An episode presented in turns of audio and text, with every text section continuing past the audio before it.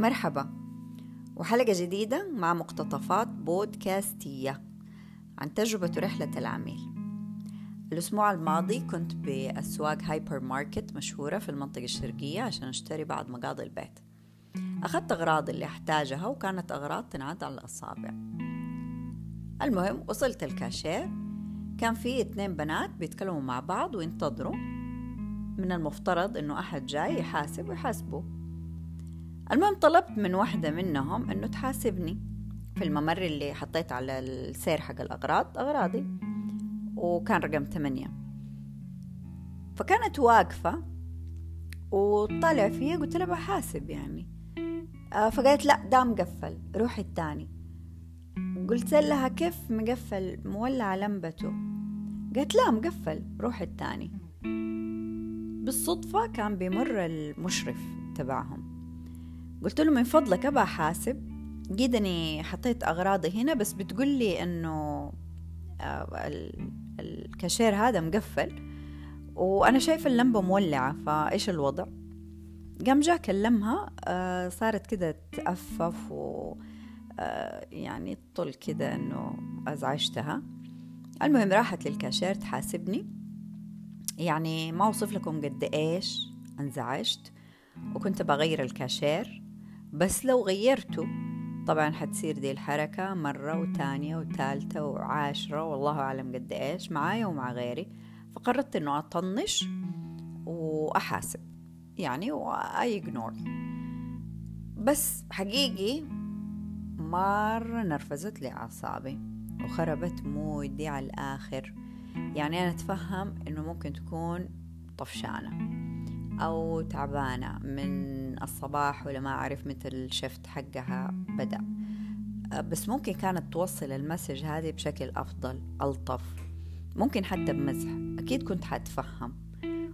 ولو إنه من واجبها مجرد ما تشوف كاستمر تيجي تحاسبني وتعاملني بدي الطريقة الغير محببة أبدا. وعليها برضو كمان افتكرت موقف تاني صار لي آه، في محل عطور وميك أب شهير جدا. جدا جدا. برضو في الشرقية. في الظهران مول. إذا تعرفوا الظهران مول. Anyway جربت لون روج و أبغى أمسح يعني خلاص يدي صارت كلها ألوان.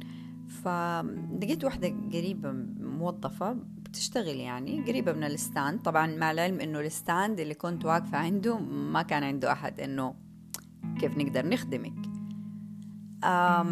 لقيت هذه الموظفة بقول لها من فضلك إنه أحتاج wipe أو شيء أبغى أمسح يعني الحفلة اللي في يدي. قالت لي شوفي هناك عند الباب روحي خدي منه. المهم إنه دي المواقف.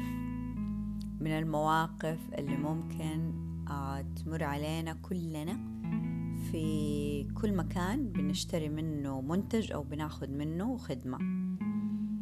ومر علي كتير غيرها وغيرها وغيرها بس هدول الاثنين يعني دي الأسبوع اللي فات جديدة فريش واللي قبلها يعني إلى الآن أنا ماني متخيلة كيف أنه نقول لكاستمر روح عند الباب خدها. الآن الكثير من الأعمال مع موضة تجربة العميل اللي بينادوا بيها. ولكن هم فعليا ما أدري يعني بس ما أتوقع أنه بيهمهم العميل ورضاه أو حتى تجربته. أو ممكن أنه صاحب ال brand أو صاحب الحلال أو رب العمل. ما هو داري فعليا إيش قاعد يصير على ال floor في محلاته. وممكن يعني يكون شايف في فلو فلوس فبالتالي يعني العميل اللي بيشتري مني يشتري واللي ما يبغى يشتري ما يشتري. وممكن زي ما قلنا يا غافل لك الله ما يدري فعليا. وعنده قوانين معينة و طريقة معينة مدرب الموظفين عليها عشان يتعاملوا مع الكاستمرز بس هل فعليا هذا الشيء بيصير أو لا؟ طبعا هي تجربة العميل تبدأ من بداية ما يسمع العميل عن منتج أو خدمة معينة وبيشوف كيف ممكن يتحصل على هذه الخدمة أو كيف يشتري هذا المنتج.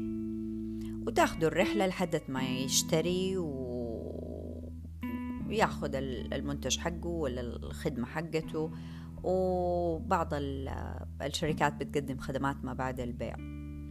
الغريب إنه للآن قليل جدا من الجهات فعليا أو من الشركات أو من الأعمال سواء بيقدموا خدمة أو منتج بيهتموا بتجربة ورحله العميل.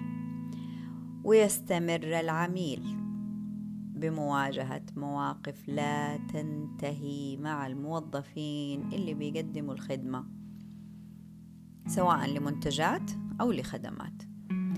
بطبيعة عملي والشركة اللي بشتغل فيها بلاقي مواقف كتير لا تنتهي وأشخاص أكيد خارج مجال العمل علاقات شخصية أصدقاء أحيانا علاقات أعمال يشتكوا من معاملة الموظفين اللي بيقدموا الخدمة.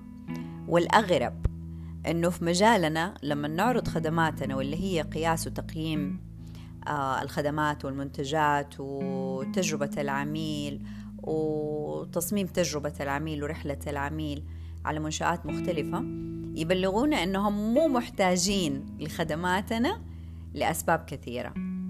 حقول بعض منها هنا. منها أنه مثلا عندنا قسم خاص يعنى بتجربة العميل. آه بعضهم أنه موظفيننا ممتازين وبيعرفوا يتعاملوا مع العميل. وأدهى شغلة أدهى شغلة ها؟ إننا بنتعامل مع شركة أجنبية لتغطية الموضوع اللي هو قياس وتقييم الخدمات ال mystery shopping ال data collecting ال data collecting طبعا عن طريق التليفون أو وجها لوجه أو التقييمات بجميع أنواعها وأشكالها وال tools اللي بتستخدم للقياس. طبعا كل الأسباب هذه أنا أقدر أخذ كل سبب إيش رأيكم؟ نسوي له حلقة خاصة نتكلم عنه. بس آخر سبب تحديدا كثير يستفزني. ليش؟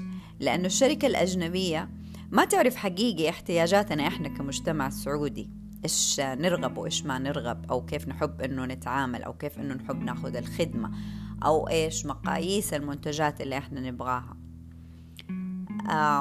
غير انها ما تعرف الاحتياج ممكن ما يكون عندها وصول كامل لجميع مناطق المملكة. فبالتالي هي بتقيم بطريقة فيها بايز شوية. أحيانا برضو ما تهتم بجودة المخرجات فعليا اللي ممكن تكون تتقدم لك لأنها في النهاية خارج السعودية ويا دوب بتغطي احتياجات بلدها. لما تيجي تغطي احتياجات بلد تاني أحيانا بتستخدم نفس الأشخاص اللي هم يعني بياخدوا الخدمة وبيقيموا مرة في مرة ممكن يكون يطفش فيعبي عن ظهر قلب وممكن يكون خلاص مكشوف معروف بيروح المكان هم عارفين إنه هذا الشخص في إنه احتمال يكون متسوق سري أو خفي فبالتالي بيعملوا احترازاتهم أو ممكن يعني يرسل أحد تاني وتستمر حلقة القياس بين مجموعة معينة من الناس وفوق ده كله لما تحب تنفذ ما تقوم به الشركات السعودية إيش بتسوي؟ لأنه ما عندها سورسز وداتا إلى آخره فبتطلب من شركة سعودية إنها تقوم بإيه؟ بعملها. وتيجي الشركة الأجنبية من جهتها برفع الشغل باسمها اللي أساسا عملته شركة سعودية. وتستمر الحلقة. الأسئلة اللي تدور بالي كتير بس حاليا. إلى متى؟ حتستمر الشركات بإهمال تجربة رحلة العميل واحد. اثنين لمتى حتستعين الشركات السعودية بشركات أجنبية لقياس تجربة ورحلة العميل السعودي؟ دمتم بود نيبال.